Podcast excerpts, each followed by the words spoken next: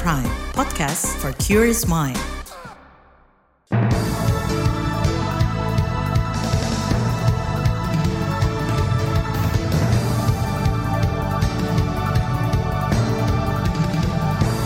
Selamat pagi saudara, senang sekali kami bisa menjumpai Anda melalui program Buletin Pagi edisi Jumat 9 Juni 2023 bersama saya Naomi Liandra. Sejumlah informasi pilihan telah kami siapkan di antaranya. Sejumlah kalangan menilai tak sulit menangkap backing kejahatan TPPO. Menko Marves Luhut Binsar Panjaitan bantah bermain tambang di Papua. BMKG memperkirakan Jawa Timur segera dilanda bencana kekeringan. Inilah buletin pagi selengkapnya terbaru di Buletin Pagi. Saudara pemerintah mencurigai ada transaksi ratusan miliar rupiah terkait tindak pidana perdagangan orang TPPO. Juri bicara Pusat Pelaporan dan Analisis Transaksi Keuangan PPATK Natsir Kongah mengatakan sudah mengirim laporan hasil analisis terkait TPPO ke Mabes Polri. Ada empat laporan hasil analisis dengan total nilai transaksi 442 miliar rupiah. Natsir mengungkapkan sejumlah tersangka dari hasil analisis tersebut sudah ditetapkan sebagai tersangka.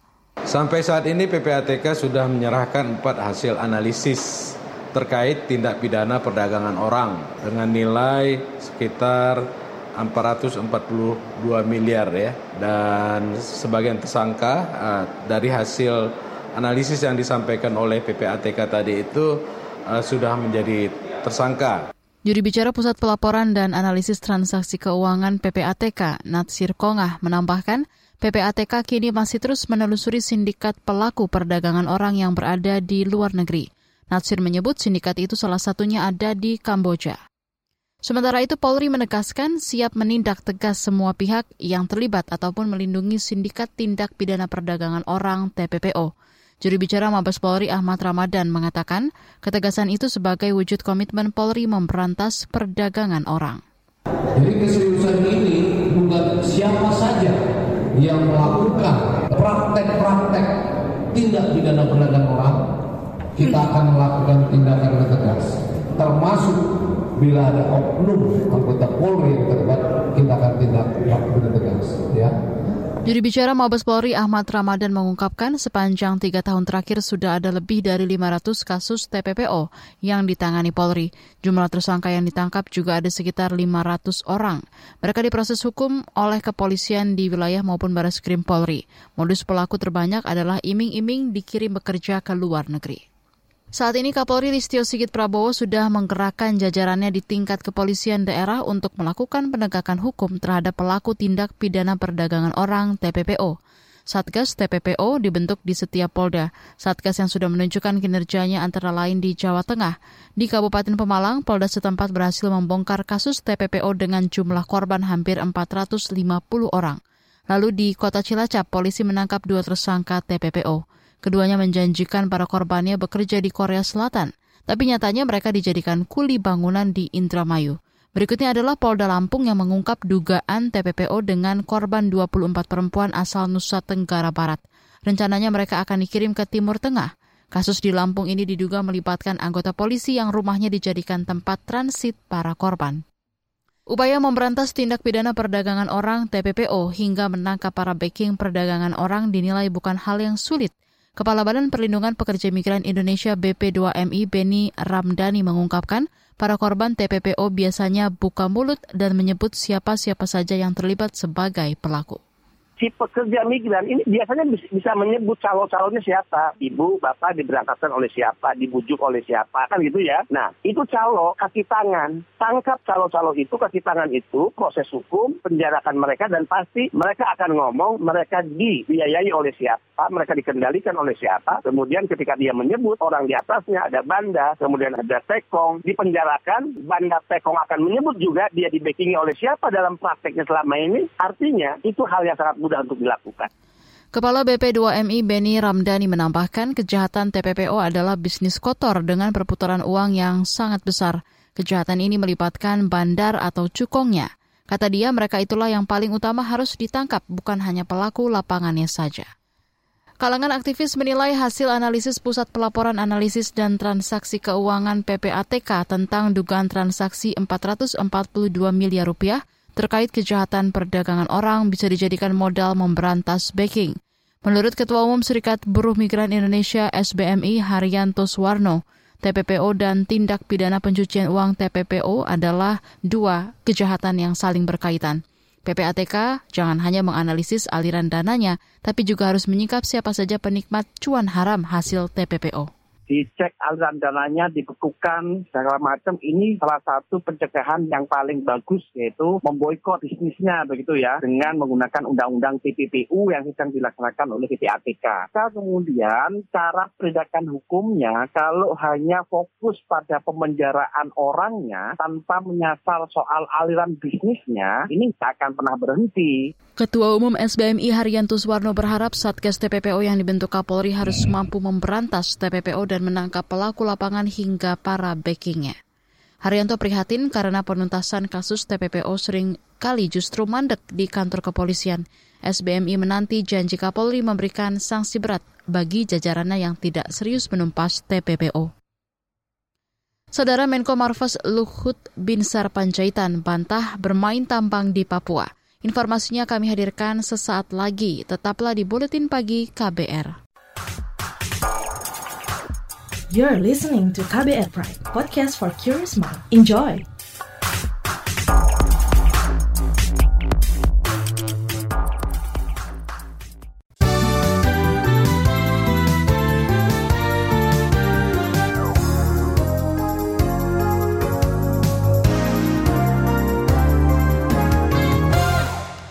Presiden Joko Widodo mengklaim telah merampungkan negosiasi batas laut dengan Malaysia. Jokowi mengatakan negosiasi itu sudah berjalan belasan tahun. Itu disampaikan Jokowi usai bertemu Perdana Menteri Malaysia Anwar Ibrahim di kediaman resminya di seri perdana Putrajaya, Malaysia. Yang pertama, saya menyambut baik penyelesaian negosiasi batas laut teritoria di Laut Sulawesi, di Selat Malaka bagian selatan, setelah 18 tahun proses negosiasi. 18 tahun bisa diselesaikan Alhamdulillah. Presiden Jokowi berharap proses negosiasi perbatasan lainnya dapat diselesaikan dalam waktu dekat, termasuk perbatasan di Sebatik dan Sinapat Sesai. Selain itu, Jokowi juga menyambut baik penyelesaian sejumlah perjanjian di antaranya terkait lintas batas, perdagangan perbatasan, sertifikasi halal, dan kerjasama promosi investasi. Kabar Pemilu Kabar Pemilu Ketua Umum Partai Demokrasi Indonesia Perjuangan Megawati Soekarno Putri mengatakan program pembangunan yang dilakukan di masa Presiden Joko Widodo bakal dilanjutkan apabila partainya memenangkan pemilu 2024. Megawati menyampaikan hal itu saat pidato penutupan Rakernas PDIP di Jakarta kemarin. PDI Perjuangan memastikan bahwa apa yang menjadi perhatian utama Presiden Jokowi berkaitan dengan pemindahan ibu kota negara hilirisasi industri sebagai sebuah jalan berdiri di atas kaki sendiri dan percepatan pembangunan koridor strategis di seluruh wilayah Indonesia melalui pembangunan infrastruktur akan dilanjutkan Ketua Umum PDIP Megawati juga menyatakan bila PDIP memenangkan pemilu 2024, maka program pembangunan akan dipercepat karena PDIP sudah berpengalaman menjalankan pemerintahan selama dua periode. Selain pembangunan infrastruktur, PDIP juga menekankan pentingnya pembangunan SDM melalui penguasaan IPTEK.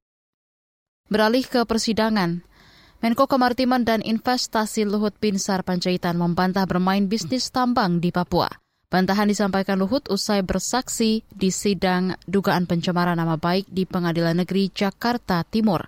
Dua aktivis HAM, Haris Azhar dan Favtia Maulidianti menjadi terdakwa dalam kasus ini. Soalnya kalau soal Lord itu buat saya tidak ada terlalu masalah, tapi yang menjadi konteksnya pembicaraan itu dengan kaitkan Lord itu yang menurut saya jadi masalah. Yang dituduh bahwa saya punya saham, dituduh bahwa saya punya bermain tambang di Papua yang saya tidak pernah lakukan. Dan sekarang kan mudah melihat itu. Di SDM itu semua terbuka, transparan itu. Menko Marves Luhut Binsar Panjaitan juga mengklaim telah melepas jabatan komisaris utama di perusahaan tambang PT Toba Sejahtera semenjak masuk pemerintahan Presiden Jokowi. Namun dia masih menjadi pemegang saham di perusahaan tersebut. Luhut juga membantah menggerakkan operasi militer di Intan Jaya untuk kepentingan bisnisnya. Sebelumnya tudingan itu disampaikan Haris dan Fatia dalam video YouTube dengan judul Ada Lord Luhut di balik relasi ekonomi Ops Militer Intan Jaya Jenderal Bin juga ada. Beralih ke berita ekonomi. Kalangan parlemen menuding pendataan koperasi dan UMKM saat ini masih amburadul. Akibatnya, menurut anggota Komisi Bidang Investasi di DPR, Ananta Wahana, data yang amburadul itu menjadikan bantuan yang diberikan pemerintah tidak merata dan kebijakan yang diputuskan pun tidak tepat. Sehingga ini muncul di pandangan para UMKM, para pelaku UMKM, muncul suara-suara tidak adil, tidak merata, kemudian sering kalau mendapatkan kebijakan dari pemerintah yang dapat itu, itu lagi, dan sebagainya. Anggota Komisi Bidang Investasi di DPR Ananta Wahana berharap pendataan koperasi dan UMKM oleh kementerian terkait diperbaiki. Apalagi Kementerian Koperasi dan UKM tahun depan memprioritaskan pendataan lengkap koperasi dan UMKM. Targetnya terdata lebih dari 22 juta koperasi dan UMKM. Beralih ke berita mancanegara, ledakan di dalam masjid di Afghanistan menewaskan setidaknya 15 orang dan melukai lebih dari 50 lainnya pada Kamis waktu setempat. Ledakan terjadi di satu masjid di Faizabad, ibu kota provinsi Badaksan yang menjadi tempat berkumpulnya sejumlah pejabat Taliban untuk melakukan sholat jenazah bagi wakil gubernur yang terbunuh akibat ledakan pada Rabu. Belum ada kelompok yang mengakui bertanggung jawab atas serangan itu. Sebelumnya ISIS mengaku bertanggung jawab atas beberapa serangan di Afghanistan, termasuk di sejumlah masjid.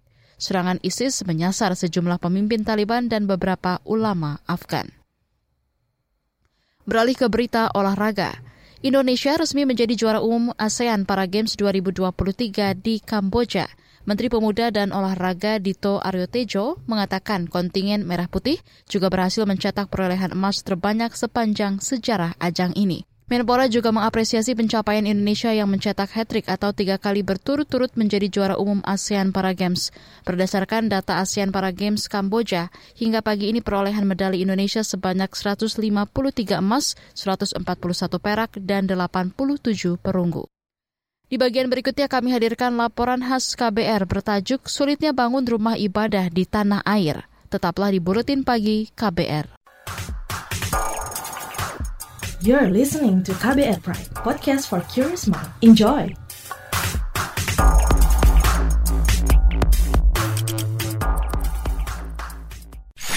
Commercial break. Commercial break.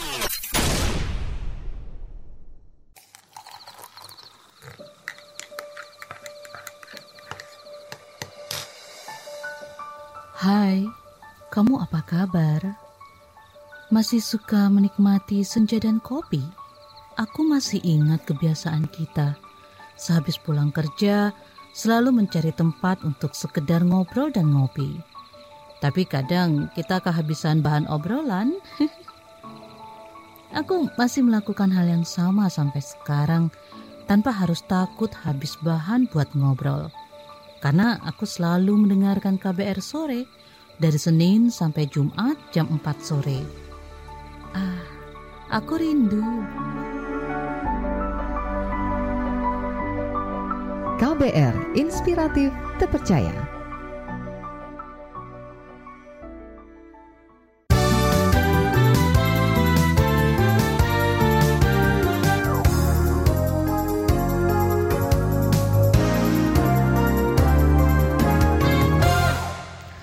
Anda masih bersama kami di Buletin Pagi KBR. Saudara umat agama atau kelompok keyakinan minoritas tertentu masih sulit mendirikan rumah ibadah. Kerap kali izin dapat diperoleh setelah berjuang hingga bertahun-tahun. Lalu bagaimana histori pendirian rumah ibadah di tanah air?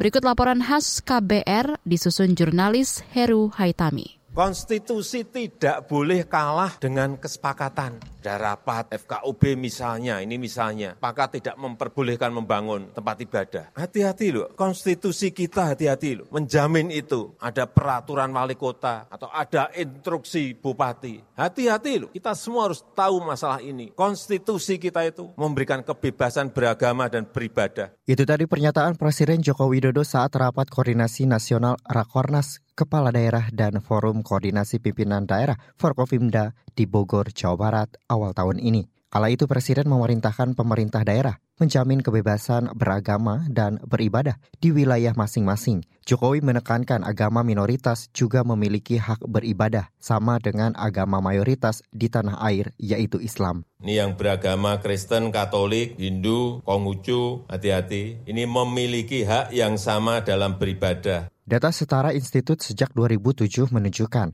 terjadi lebih 570 gangguan terhadap peribadatan dan tempat ibadah. Bentuknya antara lain pembubaran dan penolakan peribadatan, pembakaran, dan lain sebagainya. Sepanjang Mei 2023 terjadi beberapa gangguan kegiatan beragama dan berkeyakinan KBB, di antaranya pembubaran KBB oleh beberapa kelompok masyarakat di tiga gereja di Sumatera Utara, Riau, dan Bandung. Kemudian terjadi pembongkaran balai pengajian dan penolakan masjid milik Muhammadiyah di Kabupaten Birun, Aceh.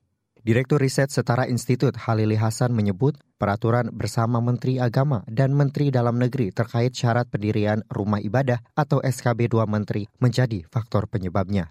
Kalau negara kekeh mempertahankan BBM dari sisi substansi itu, menurut saya itu bentuk arogansi negara untuk menyangkal terjadinya begitu banyak pelanggaran dan pembatasan terhadap kelompok minoritas itu. Yang lain selain persoalan substansi adalah persoalan mekanisme pengaturan. Apakah PBM itu cukup memadai untuk mengatur terjadinya pembatasan? Ya jelas tidak. Halili menilai negara gagal menjaga norma kebebasan beragama dan beribadah di tengah masyarakat. Menurutnya, pemerintah pusat seharusnya tegas meminta pemerintah daerah memenuhi amanat konstitusi dalam beribadah dan beragama. Namun tak semua kepala daerah ragu bimbang, atau bahkan turut berperan mempersulit pendirian rumah ibadah di tempat masing-masing, seperti yang terjadi di Kabupaten Bekasi, Jawa Barat belum lama ini. Adalah penjabat Bupati Bekasi, Dani Ramadan, yang baru-baru ini memberikan izin pembangunan Gereja Ibu Teresa Paroki di kawasan Lipo Cikarang, Cikarang Selatan. Proses perizinan pembangunan rumah ibadah Gereja Ibu Teresa sebenarnya sudah mendapat rekomendasi dari Kementerian Agama sejak 2012. Namun proses itu masih tak kunjung selesai hingga 2021. Dani mengeklaim persoalannya bukan karena penolakan umat agama lain, melainkan bangunan berdiri di atas tanah komersil. Apa ini masalahnya? Selesaikan. Alhamdulillah dalam waktu dua minggu sebenarnya sudah ketemu masalahnya ternyata kalau masalah penolakan dari agama agama lain dan sebagainya sudah diselesaikan semua oleh KUB, oleh Romo berkeliling, YKI sudah mendukung. Ternyata hanya masalah teknis saja, yaitu bahwa gereja, panitia pembangunan itu memberi tanahnya ini di tanah komersial dalam seklen Limau Cikarang. Padahal aturan kalau membangun rumah ibadah di kawasan itu harus di tanah pasus-pasus. Perjuangan panjang mendirikan rumah ibadah juga dialami GKI Yasmin, Bogor, Jawa Barat. Selama 15 tahun, jemaat memperjuangkan agar rumah ibadah mereka bisa mendapat izin pembangunan. Selama belasan tahun juga, jemaat GKI Yasmin menggelar ibadah Natal di depan Istana Negara Jakarta. Alih-alih menyelesaikan akar masalah intoleransi, Wali Kota Bogor Bima Arya merelokasi bangunan gereja dengan alasan kemudahan izin. Selalu ada dua rasa dalam perasaan saya. Satu, rasa penyesalan. Kedua, rasa kebahagiaan. Menyesal karena tidak mampu menyelesaikan konflik ini dengan cepat sesuai mimpi para jemaat. Izinkan saya sekali lagi memohon maaf karena terlambat 15 tahun. Pekan ini, Menteri Agama Yakut Khalil Komas mengaku telah menyusun aturan baru pendirian rumah ibadah tanpa membutuhkan rekomendasi Forum Kerukunan Umat Beragama FKUB. Rekomendasi FKUB dinilai membuat perizinan pendirian rumah ibadah semakin sulit. Persoalan lain yang kerap menyulitkan pendirian rumah ibadah adalah soal syarat 60 dukungan warga setempat dan 90 daftar pengguna rumah ibadah. Aturan tersebut ada dalam SKB tentang pendirian rumah ibadah yang didesak untuk dicabut. Demikian laporan khas KBR, saya Heru Haitami. Informasi dari berbagai daerah akan hadir usai jeda. Tetaplah bersama Buletin Pagi KBR. You're listening to KBR Pride, podcast for curious mind. Enjoy!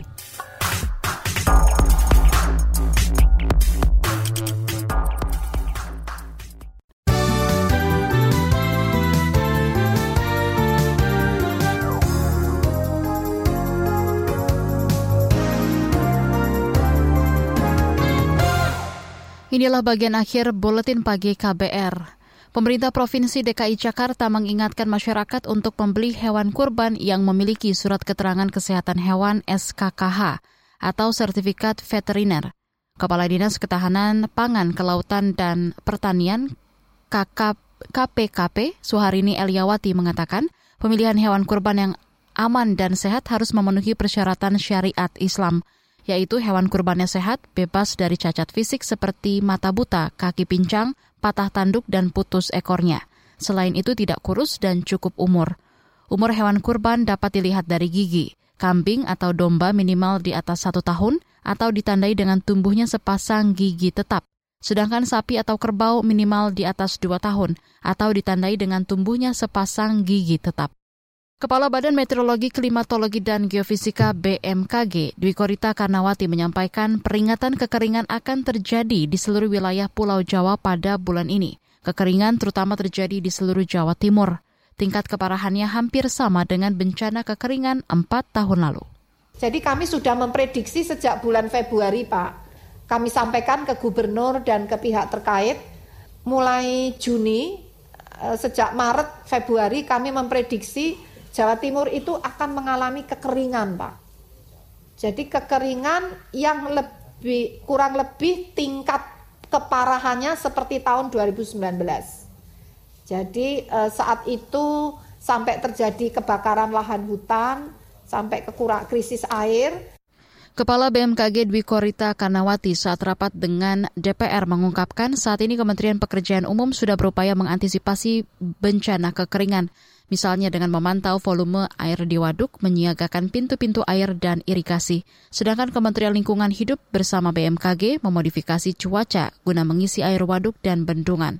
BMKG menyebut bencana kekeringan tahun ini akibat fenomena iklim El Nino. Kita ke Banten. Salah satu tokoh adat Baduy dari kampung Cibeo Baduy Dalam, Lebak, Banten, Mursid menyerukan dilakukannya musyawarah antar tokoh adat sebelum memutuskan penghapusan sinyal internet di wilayah Baduy. Menurut Mursid, pada titik-titik lokasi tertentu, keberadaan sinyal internet masih tetap diperlukan oleh warga. Ada titik-titik memang yang tidak perlu, kenapa? Ada titik-titik mungkin ya menjadi kebutuhan juga ada harus ada pertimbangan gitu menurut saya gitu tapi untuk membicarakan titik mana misalkan yang memang harus nggak katakanlah kita menghargai tatanan uh, kita harus kita berembuk itu dasarnya titik mana aja kalau bicara keseluruhan Baduy kan luas ini kamu. Itu tadi salah satu tokoh adat Baduy dari kampung Cibeo Baduy dalam Lebak, Banten, Mursid. Sebelumnya diberitakan pemimpin lembaga adat Baduy di Desa Kanekes, Kecamatan Lewi Damar, Kabupaten Lebak, Banten meminta penghapusan sinyal internet di wilayahnya. Permintaan tersebut disampaikan agar tanah ulayat Baduy menjadi wilayah yang bersih dari sinyal internet atau blank spot area internet. Beralih ke Jawa Tengah, Lembaga Penelitian dan Pengabdian Masyarakat LPPM Universitas Jenderal Sudirman Purwokerto bekerjasama dengan Ikatan Dokter Indonesia menggelar program dokter tani. Kerjasama yang dilakukan meliputi Banyumas, Banjarnegara, Cilacap, dan Purbalingga. Anggota tim penerapan IPTEX Dokter Tani, Dia Susanti, menjelaskan program Dokter Tani adalah program peningkatan kesehatan petani pedesaan. Kesehatan petani ini menjadi isu penting dalam upaya membangun ketahanan pangan yang berkelanjutan. Selaras dengan hal tersebut, uh, upaya meningkatkan kesehatan petani dan juga meningkatkan penguasaan teknologi budidaya sehat, tim pelaksana pengabdian kepada masyarakat program penerapan IPTEX uh, LPPM Unsut uh, yang dalam hal ini mengambil topik dokter tani bekerja sama dengan Anggota tim penerapan IPTEX Dr. Tani Dia Susanti menambahkan secara berkala tim dokter tani berkeliling di pedesaan guna melakukan sosialisasi. Tim juga bekerja sama dengan pemerintah desa setempat, khususnya di empat wilayah kabupaten yaitu Banyumas, Banjarnegara, Cilacap, dan Purbalingga. Informasi tadi menutup jumpa kita di Buletin Pagi hari ini. Pantau informasi terbaru melalui kabar baru, situs kbr.id, Twitter at berita KBR, podcast di kbrprime.id. Saya Naomi Liandra bersama tim yang bertugas undur diri. Salam.